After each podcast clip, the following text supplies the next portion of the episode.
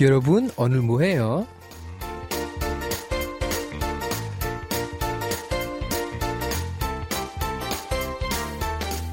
Lagi ngapain nih? Mending kita berbagi cerita di Kepo dengan DJ Lodi. Mendengar hari ini adalah tanggal 28 Desember nih, yang berarti tahun baru itu hanya sisa beberapa hari aja. Nah, udah bisa dihitung dengan jari ya. Tapi itu juga artinya episode Kepo hari ini adalah episode terakhir tahun ini. Ah, memang Waktu itu berjalan cepet banget ya. Dan aku pikir untuk menutup Kepo tahun ini asik juga ya kalau misalnya kita rekap tren-tren dan juga lagu-lagu yang jadi highlight tahun ini baik di Korea ataupun buat aku pribadi.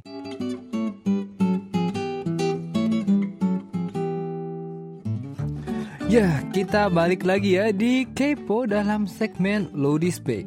Dan berhubung episode kali ini adalah episode terakhir Kepo tahun ini Dan biasanya akhir tahun adalah masa-masa kita merenungkan nih Apa aja yang udah kita lakukan dalam setahun ini Cie Nah jadi untuk Lodi Speak minggu ini Aku mau bahas nih beberapa tema yang menjadi highlight tren Korea tahun ini Pertama-tama Nah kalau misalnya nih ya ngomongin tren Korea pasti kita nggak bisa lepas dari kata Hallyu atau Korean Wave.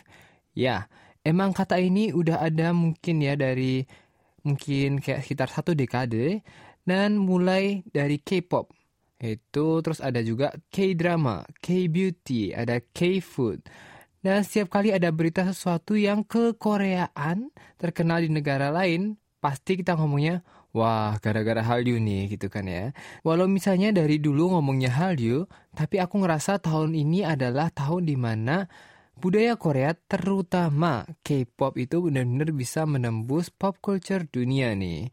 Jadi bisa lebih diterima gitu kan ya sama orang-orang di dunia. Kalau misalnya sebelumnya itu banyak uh, penggemarnya K-pop itu masih kayak termasuk niche atau kalangan tertentu saja yang suka, biasanya remaja gitu kan ya. Contohnya mungkin kita suka K-pop, tapi banyak nih ya teman-teman kita yang nggak suka atau kerabat kita yang lebih tua bahkan nggak ngeh sama sekali tentang K-pop nih. Tapi sekarang bahkan sampai ibu-ibu pun gitu kan ya. Dan juga program-program di stasiun TV mancanegara juga ngebahas gosip tentang K-pop dan sampai mengundang idol juga nih.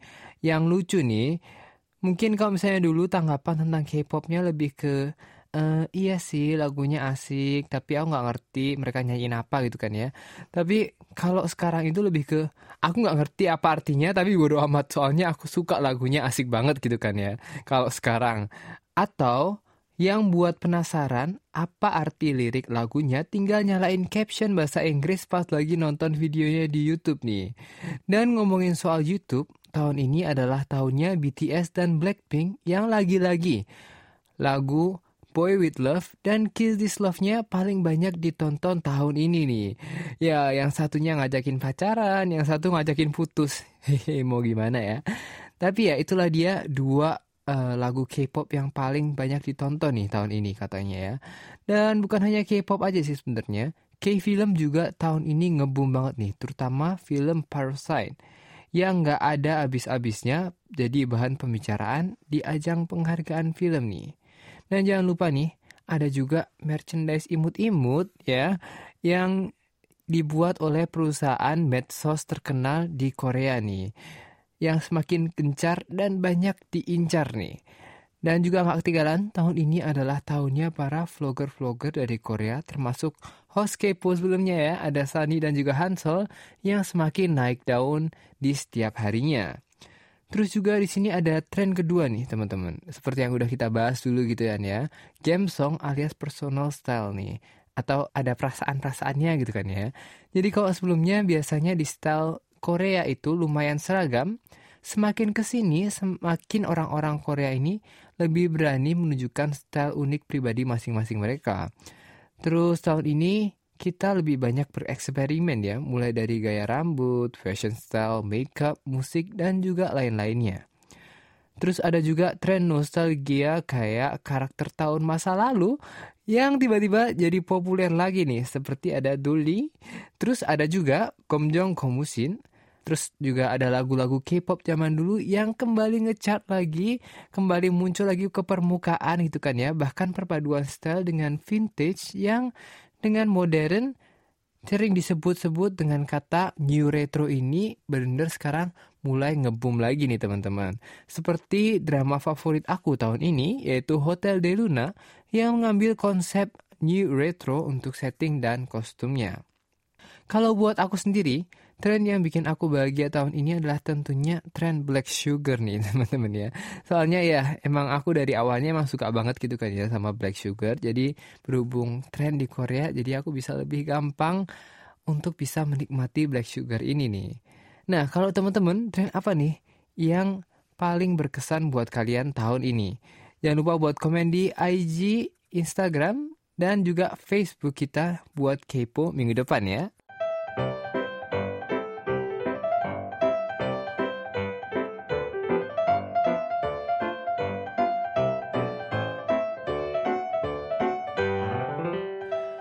Nah, sekarang kita masuk ke segmen baper nih, yaitu buku harian pendengar. Hmm, kenapa pendengar kita ini malu-malu ya pada untuk berbagi cerita di Kepo? Ayo, yang biasanya suka sedih nggak dapat hadiah giveaway di Insta ya kan?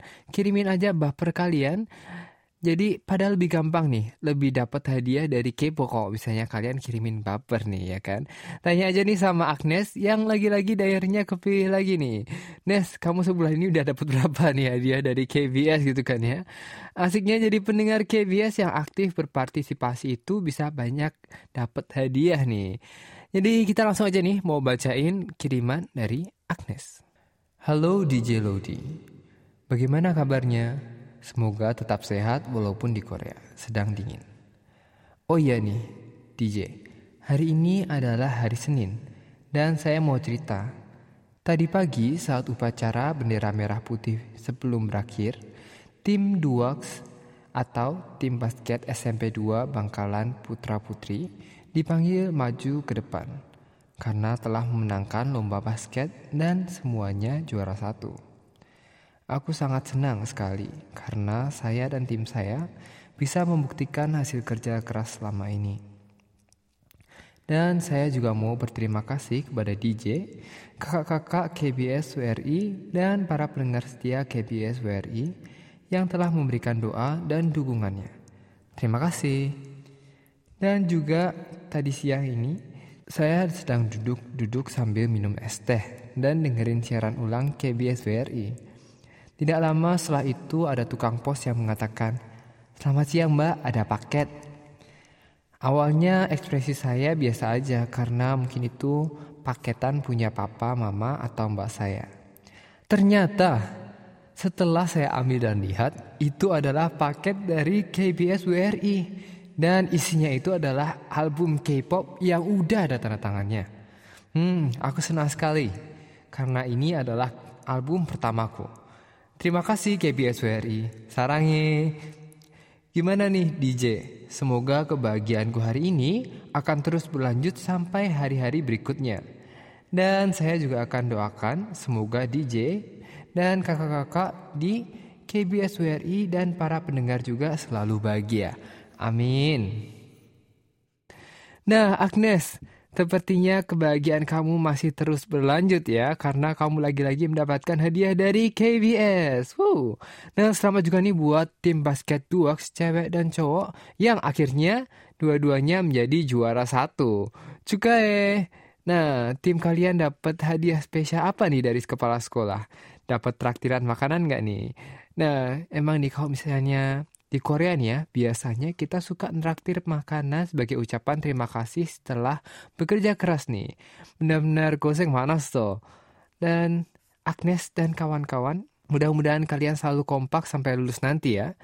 Dan juga mudah-mudahan KBS juga terus bisa kirimin album kedua, ketiga, keempat, dan seterusnya buat Agnes. Terima kasih juga karena sudah menjadi pendengar setia KBS WRI.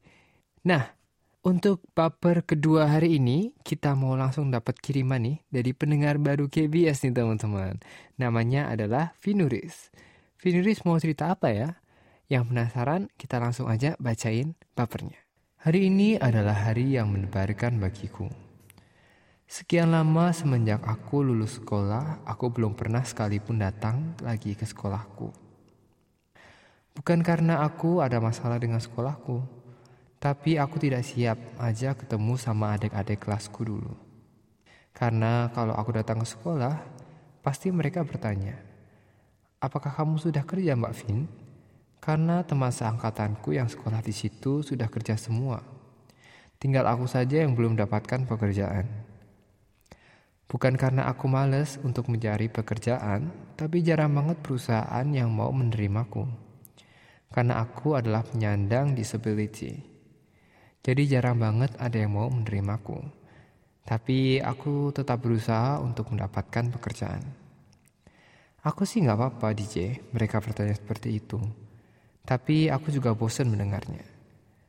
Karena mereka, adik kelasku, bukan hanya tanya langsung ke aku ke DJ, tapi mereka juga kalau lagi DM-DM sama aku, pasti ujung-ujungnya bertanya begitu. Kan aku jadi bosan mendengarnya DJ. Mereka bilang itu lagi, itu lagi. Hmm, pendapat DJ aku harus bagaimana? Terima kasih DJ Lodi sudah membacanya. Finuris, kayaknya kita semua sebagai manusia itu sama ya. Dan orang-orang di sekitar kita juga sama. Karena apa yang kamu alamin itu sebenarnya dialami oleh banyak orang nih. Nah, kalau misalnya lagi sekolah ditanyain kapan lulus, kalau udah lulus kapan kerja, terus ntar nyambung lagi kapan nikah, kapan punya anak, kapan, kapan gitu kan ya. Nah, emang di mana pun kita berada, pasti kita nggak luput dari pertanyaan kapan nih. Nah, aku juga sering kan ditanyain sama teman-teman dan fans-fans juga nih. DJ kapan comeback gitu kan ya, kapan muncul lagi gitu kan ya. Tapi walaupun itu bisa bikin kita kesel, tapi mungkin itu adalah cara mereka menunjukkan kepedulian mereka pada kita nih. Hanya saja mungkin ucapannya saja yang berbeda gitu kan ya. Dan kita menerimanya mungkin juga bisa berbeda. Jadi itu hanya perbedaan kayak bagaimana orang-orang itu bisa mengungkapkan dan juga orang-orang itu bisa menerimanya. Mungkin setiap kali ada adik kelas kamu tanya, kapan Mbak Vin kerja gitu kan ya. Mungkin Virus bisa menganggap itu sebagai doa nih. Mudah-mudahan Mbak Vin bisa cepat dapat kerjaan ya, gitu kan ya. Nah, sebenarnya nih aku kagum banget nih. Walaupun Vinuris menyandang disability, itu nggak membuat kamu patah semangat untuk mencari pekerjaan. Ya, memang banyak orang yang tidak mau menerima pekerja dengan seorang yang disabilitas. Tapi kalau di Korea ini, Biasanya ada lembaga khusus nih, bahkan aplikasi yang membantu mencarikan pekerjaan untuk penyandang disability seperti Vinuris. Aku rasa di Indonesia juga ada nih. Sabar ya Vinuris, pasti kamu bisa mendapatkan pekerjaan. Tapi sementara itu Vinuris bisa juga lebih mengasah keterampilan dan skill kamu untuk bekerja, ya kan? Jadi kalau misalnya udah ada datang nih kesempatannya, kamu bisa langsung dapet gitu kan ya pekerjaannya. Nah, selalu fighting terus ya buat Vinuris dan bisa kabar-kabar lagi nih kalau misalnya Vinuris udah dapat pekerjaan. Nah, buat para pemenang baper kita minggu ini, jangan lupa buat kirim email konfirmasi alamat ke email KBS di Indonesia at kbs.co.kr untuk mendapatkan hadiahnya tentunya. Dan buat teman-teman lainnya yang juga ingin berbagi diary kalian, bisa juga nih langsung aja kirimin ke alamat email yang sama serta juga bisa langsung kirimin juga di DM Instagram at KBS Indonesia. Dan juga inbox di Facebook page kami di KBS World Radio Indonesian Service.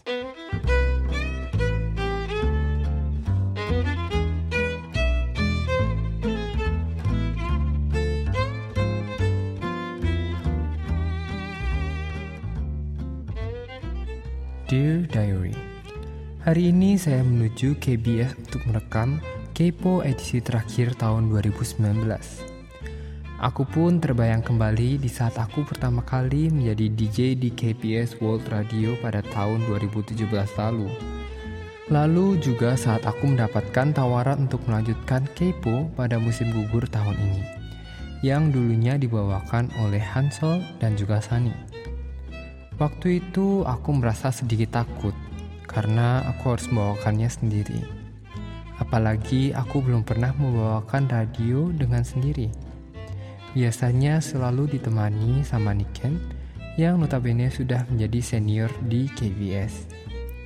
Tapi ya, Karena dukungan dari kalian semua yang terus-menerus ikut mendengarkan Kepo, saling berpaper setiap minggu, mendengar cerita pribadi dari pendengar, maka aku merasa lebih bisa mendekati para pendengar yang ada di Indonesia, walaupun kita tidak pernah bertemu dengan tatap muka secara langsung.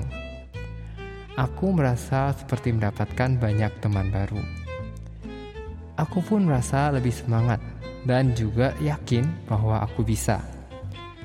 Ada bantuan dari penulis naskah yaitu Kak Nikita dan juga Vidini.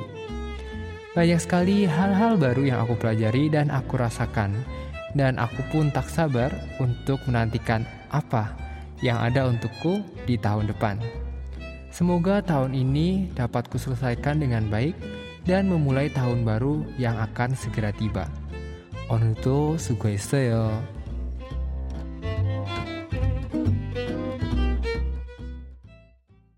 Dan kita sekarang mau langsung aja nih bacain komen dari para pendengar dan juga followers kita di sosial media KBS.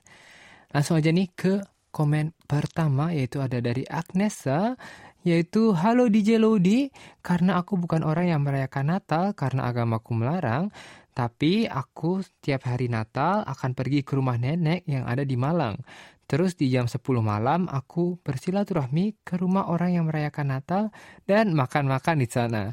Ya, aku senang karena dapat uang banyak dan dapat jajan-jajan enak. Hehehe. Ya, buat Agnesa yang walaupun nggak merayakan Natal, tapi mungkin kamu bisa kayak ikut merasakan gitu kan ya suasana Natal bersama orang-orang yang uh, ada di sekitar kamu ya kan karena makan-makan juga bersama. Jadi emang mungkin Natal ini nggak nggak usah harus dirayakan karena agama kita, tapi mungkin juga bisa untuk menjadi sebuah kesempatan buat bisa bersilaturahmi dengan orang-orang yang ada di sekitar kita nih. Oke, terus langsung aja nih ke komen kedua ya hari ini dari Tias underscore 967. Menurutku Natal yang perfect itu kumpul sama keluarga. Maklum masih jomblo. Selain itu makan kue Natal juga. Nah, Ngetren kue Natal yang dibahas di Jelody itu mungkin dihias imut karena sambil mengingat masa kecil dulu ya ketika memakannya. Nah bener banget nih Tias, kalau emang uh, kue-kue Natal itu kan benar-benar kayak imut-imut gitu kan ya, manis-manis semuanya. Dan itu emang selalu mengingatkan kita saat-saat masa kecil dan emang suka banget nih makan-makan kue bernuansa Natal gitu kan ya. Dan juga langsung aja nih, selanjutnya ada dari Sangadati Ayah, DJ Lodi ke konser Brand New Year. Hing, iri.com. Tapi nggak ada ujin ya. Ngomongin Natal dan Tahun Baru, langsung terasa jalanan Jogja yang jadi super macet ke mana-mana. Huhu. Saya tidak merayakan Natal DJ, tapi selamat Natal untuk Lodi dan kru KBS WRI lainnya. Kebetulan pas hari Natal, Mbak Ipar ngajakin saya dan saudara-saudara sekeluarga makan-makan di luar untuk merayakan wedding anniversary. Pasti bakal seru dan rame. Kalau di Jelodi sendiri, bagaimana merayakan Natalnya di Korea? Iya nih, teringat kembali ke jalanan Jogja yang selalu macet di saat-saat hari besar, selama hari Natal gitu kan ya. Dan bisa merasakan banget nih perasaan yang sangat hati yang males gitu kan ya sebenarnya keluar-keluar kalau misalnya lagi mal lagi macet gitu jalan di Jogja. Terus juga uh, selamat buat saudara-saudara Sangadati yang juga bakal kumpul-kumpul bersama untuk merayakan wedding anniversary.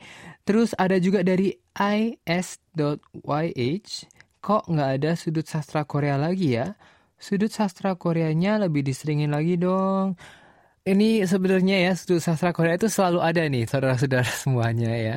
Tapi emang berhubung uh, akhir-akhir ini banyak sekali itu kan edisi edisi-edisi spesial. Jadi mau nggak mau nih kadang-kadang uh, sudut sastra Koreanya uh, digantikan dengan edisi-edisi spesial buat akhir tahun ini gitu kan ya. Tapi tentunya sudut sastra Korea akan ada terus nih di tahun mendatang ya kan ya. Setiap hari Selasa nih. Jadi jangan lupa buat terus dengerin dan juga ditungguin nih setiap minggunya. Oke, terus ada juga nih langsung dari Ares underscore 1502 DJ Lodi stay warm ya dan juga seluruh staff KBS Indonesia. Have an awesome day. Terima kasih banget nih buat Ares yang udah mendoakan kita gitu kan ya. Tahu aja nih di sini lagi dingin-dingin di Korea. Dan juga Ares juga jangan lupa terus uh, makan vitamin yang banyak, jangan sampai sakit gitu kan ya. Mungkin sekarang harusnya di Indonesia lagi musim hujan ya kan. Jangan lupa pakai jaket juga, jangan kehujanan gitu kan ya. Terus di sini kita mau langsung nih lanjut ke komen yang ada di Facebook kita nih teman-teman. Ada dari Aisyah Risma Juliani yaitu tahun 2019 ini penuh pelajaran penting untukku pribadi. Dari bagaimana merelakan keinginan yang tak tercapai, menjaga sabar saat banyak pihak menjatuhkan, dan kembali membangun mimpi kita ketika keadaan tidak mengizinkan harapan itu terjadi. Banyak tangis yang menemani perjalanan, tapi aku senang masih bisa melalui semua itu. Dan aku berharap di tahun yang akan datang hatiku bisa lebih lapang lagi menerima ujian, menjadi manusia yang lebih baik dan lebih baik lagi.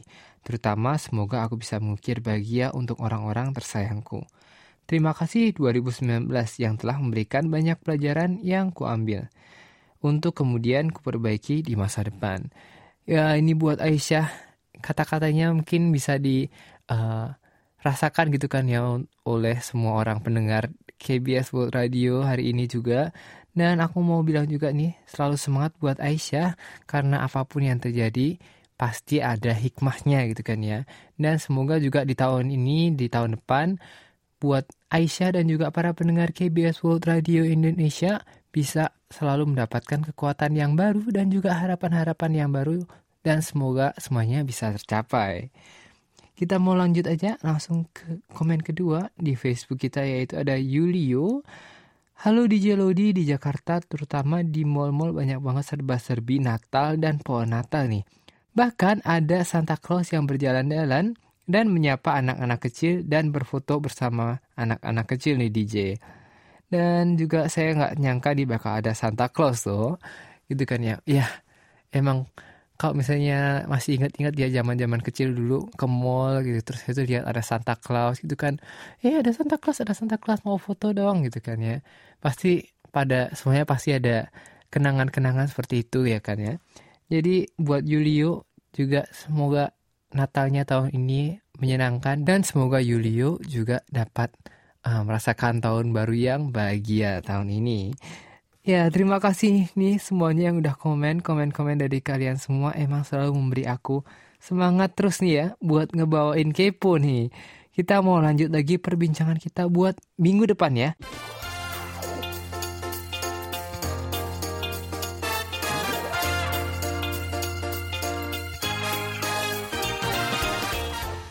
Sekian acara Kepo hari ini. Mudah-mudahan bisa menjadi hiburan bagi para pendengar semuanya di malam minggu ini.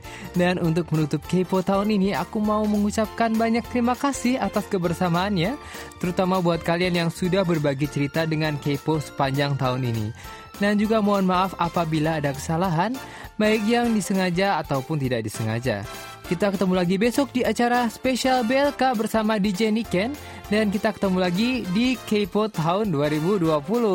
Onuto sugeseo, happy weekend dan annyeong.